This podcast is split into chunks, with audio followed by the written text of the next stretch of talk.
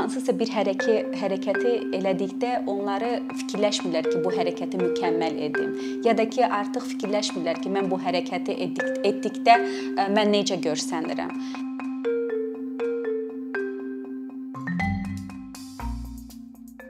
Danceability improvizasiya metodudur.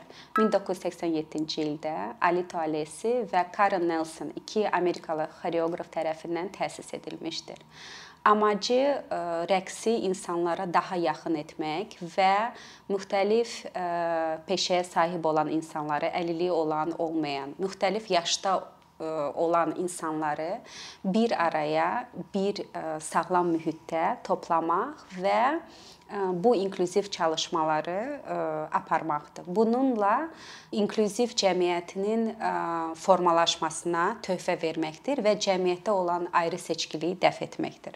Eyni zamanda Danceability bu bir beynəlxalq təşkilatdır və hansı ki 7 ölkədə fəaliyyət göstərir. Hal-hazırda 700-dən çox müəllimi var və mən, mən bu müəllimlərdən biriyəm. Azərbaycanda bu 2017-ci ildə deməli fəaliyyətə başlayıb.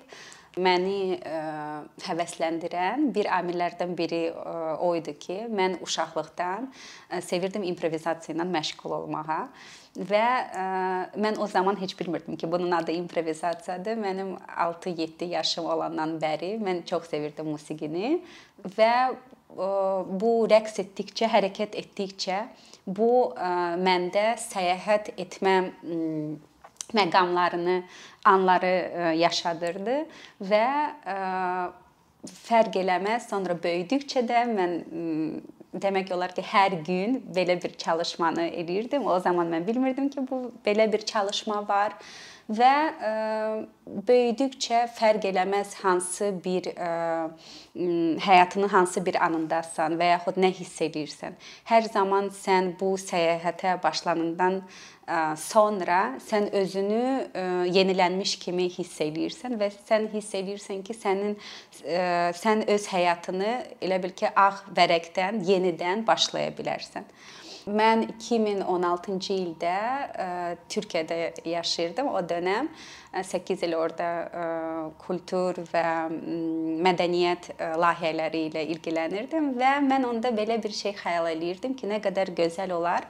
Ə, nə zaman ki biz bilək ki, belə bir mühit var belə bir yer var. Hardakı insanlar məktəbdən, universitetdən ya da iş yerindən sonra gələcəklər və ə, hərəkət vasitəsilə, hərəkət çalışmaları vasitəsilə onlar ə, özlərinə daha ə, yaxın hiss eləyəcəklər və orada o məkanda müəllim onlara deməyəcək ki, bu doğru hərəkətdir, bu isə yanlış hərəkətdir.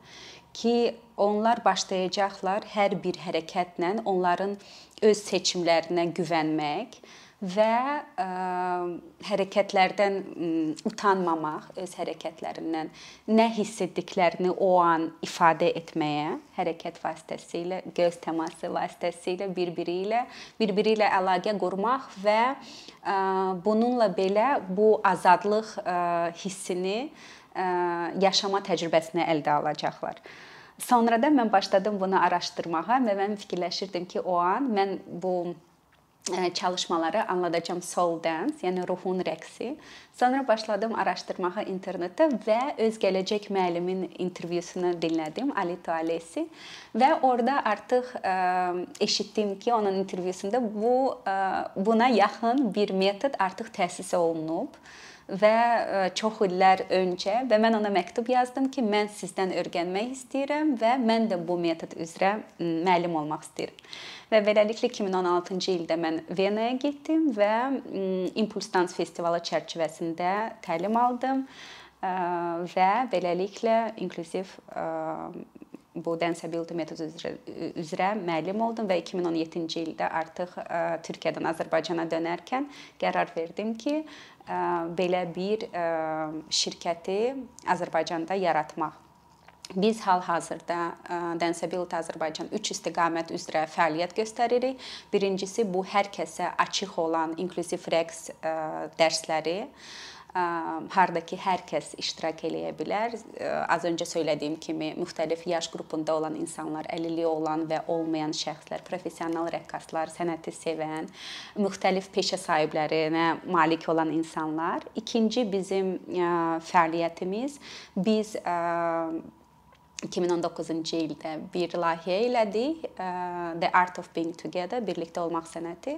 Bunu biz elədik İsveçrə səfirliyi ilə, Heydər Əliyev fondu ilə, Təhsil Nazirliyi ilə başladıq əməkdaşlıq eləməyə, Rapid Solutions şirkəti və Yarat Müasir İncəsənət məkanı ilə və bu ə, Təhsil Nazirliyi ilə olan çalışması çalışmada biz başladıq məktəblərə və universitetlərə getməyə, qarışıq olan ə, qrup ilə və orada bu inklüziv çalışmaları tətbiq eləmək və biz fikirləşirik ki, bu çox önəmlidir. Nəinki biz şagirdlərlə və tələbələrlə birlikdə oturaraq və fikir mübadiləsi eləyəndən sonra inklüziv təhsil, inklüziv cəmiyyətin mahiyyətini daha yaxşı olar ki, ilk öncə onlar özləri bunu təcrübə eləsinlər.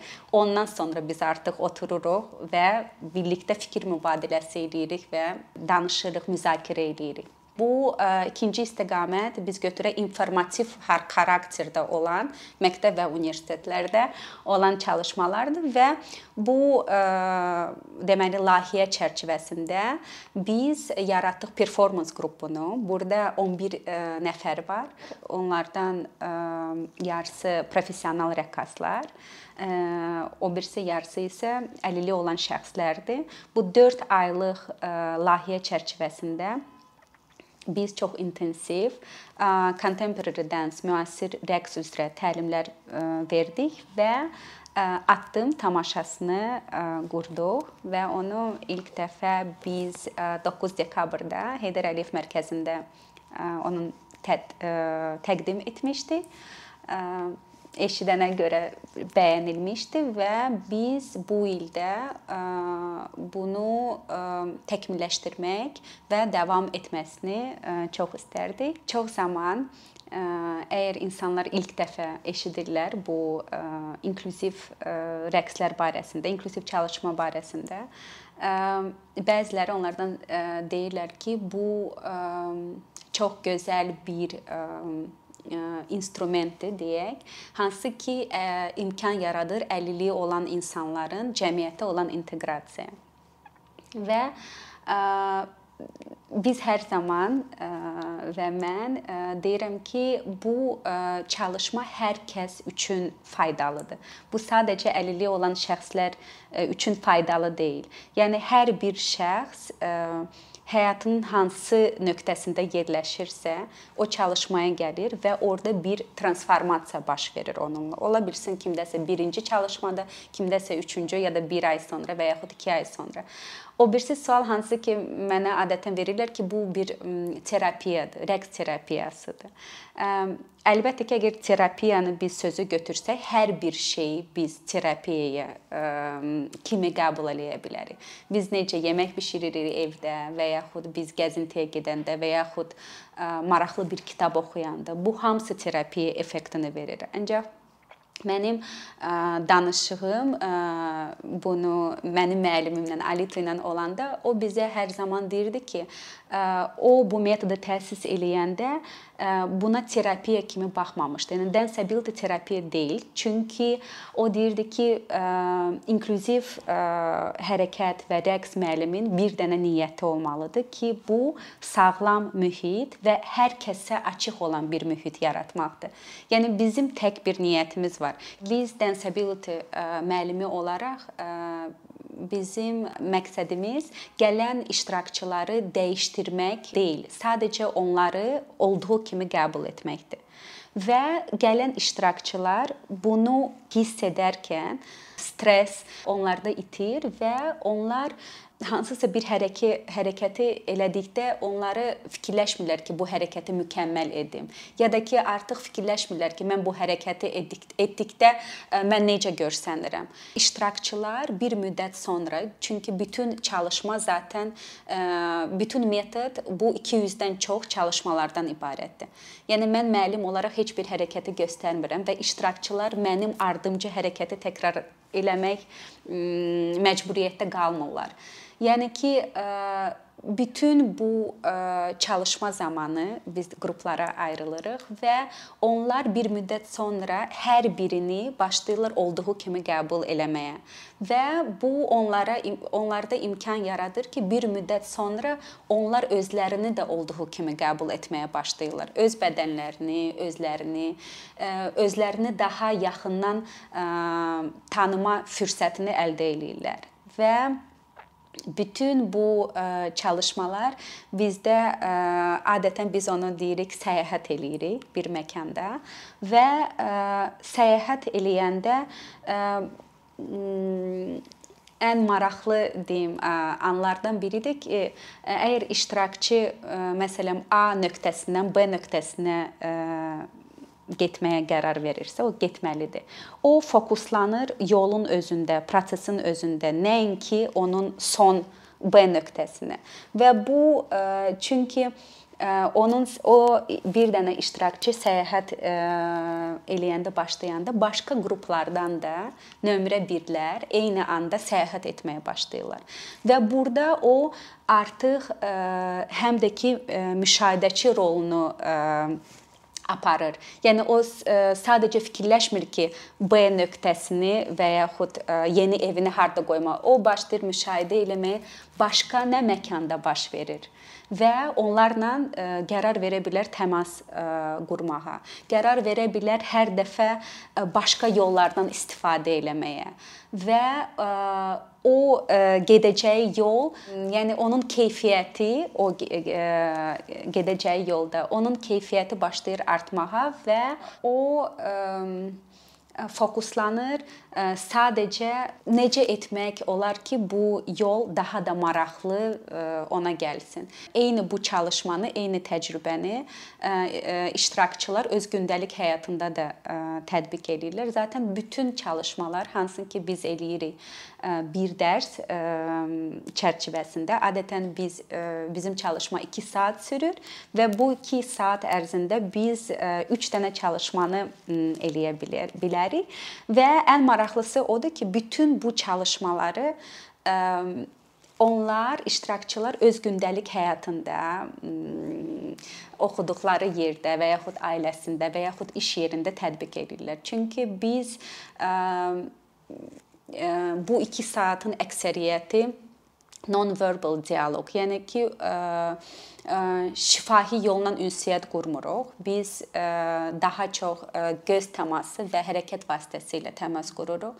Özümüzü başlayırıq ifadə eləməyə və sadəcə sonra biz otururuq dairə bir şəklində, dairəvi bir şəklində və başlayırıq orada yəni imkan yaradılır ki, hər bir iştirakçı nələrin hiss etdiklərini, bu çalışma ərzində olan təcrübəsini artıq şifahi yolla bir-biri ilə paylaşa bilər və bu çox maraqlı olur. İnklüziv çalışmalar, inklüziv dərslər. Onların mahiyyəti və gözəlliyi ondan ibarətdir ki, biz bu dərslər vasitəsilə bərabər imkanlar yaradırıq bütün insanlara.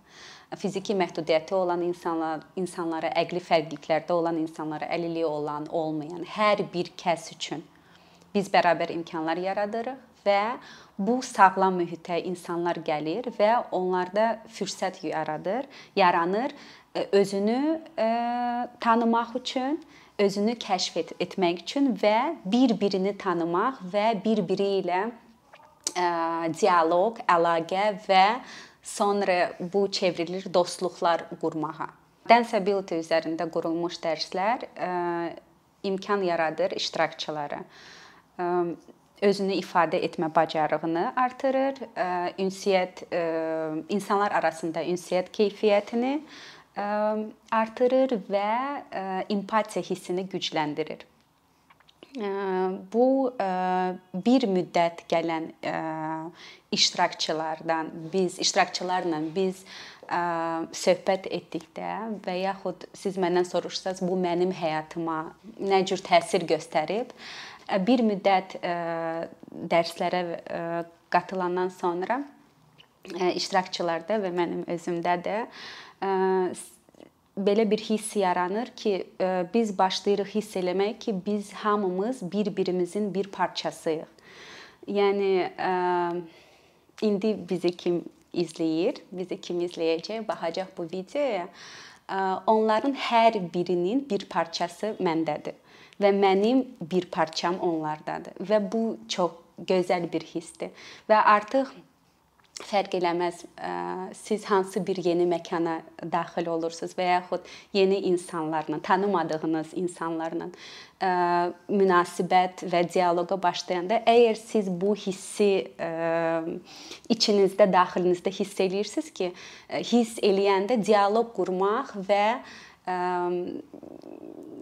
bir ünsiyyət qurmaq artıq çox daha asan və çox daha xoş olur. Əslində mən bu inklüziv çalışmaları və yaxud aktiv meditasiya haqqında gün boyunca 24 saat boyunca danışa bilərəm və mənə çox xoşdur seyirci ilə paylaşmağa. Ancaq ən bunun gözəl bir metodu mən bizi izləyən seyircinin hər birini dəvət edirəm bizim inklüziv çalışmaya ki, onlar da bizim bu bəhs etdiyimiz təcrübəni və yaxud tamamilə başqa bir təcrübəni yaşama fürsətini əldə etsinlər. Bizim çox yaxın bir zamanda onlayn dərslərimiz artıq başlayacaq və mən demək istəyirəm ki, bizim hər birimizin içində bizim unikal bir xüsusiyyətlərimiz var. Bizim daxilindəki, daxilimizdəki olan işığımız var və bu ə, çalışmalar nəticəsində biz bu ə, daxilimizdəki olan bu gözəlliyi ə, və işığı bir-birimizdə və öz içimizdə ə, kəşf etməyə başlayırıq. Çox sağ ol.